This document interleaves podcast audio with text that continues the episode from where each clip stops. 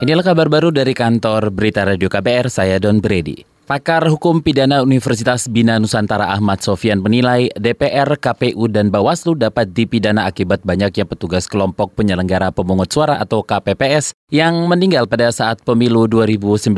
Namun, kata dia, sanksi pidana itu tidak bisa dilakukan lantaran ada kekosongan hukum di Undang-Undang Pemilu. Secara doktrin, perbuatan itu adalah perbuatan hukum. Secara doktrin ya. Kalau kita cari cantolan hukum pidananya ada atau tidak? Nah undang-undang pemilu kan tidak mempidana ini. Yang dipidana adalah orang-orang yang yang curang segala macamnya, pelaksana orang yang mengganggu pelaksanaan pemilu.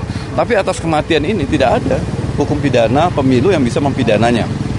Nah, karena itu do doktrinnya adalah ada kekosongan hukum dalam konteks ini untuk mencari pertanggungjawaban pidananya, ada kekosongan hukum.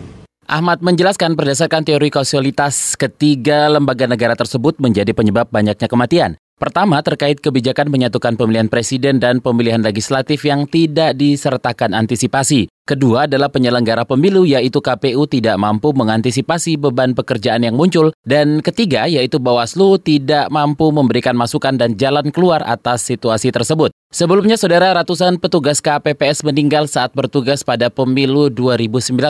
Mereka rata-rata kecapekan dan sakit.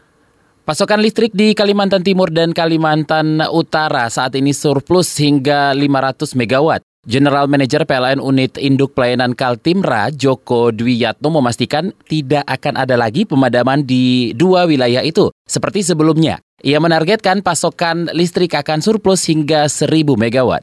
Sampai dengan 2028 itu untuk Kaltim saja, kalau nggak kita reschedule, itu tambahannya sampai dengan 1229 MW. Sementara eh, saat ini kita sudah over capacity 500 MW.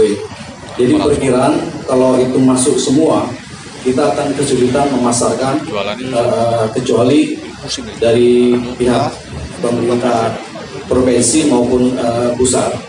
Punya regulasi untuk meminta investor membangun pabrik-pabrik Joko Dwiatno mengatakan PLN Kaltimra ini mendekati perusahaan-perusahaan besar di Kalimantan Timur untuk pemasaran listrik. Di antaranya PT Pertamina, PT Pupuk Kaltim maupun perusahaan lain di Bontang yang kebutuhannya mencapai 200 megawatt. Selain itu, PLN berencana melakukan interkoneksi jaringan ke Kalimantan Barat hingga ke Malaysia pada 2022. Karena Kalimantan Barat juga telah terinterkoneksi ke Sarawak.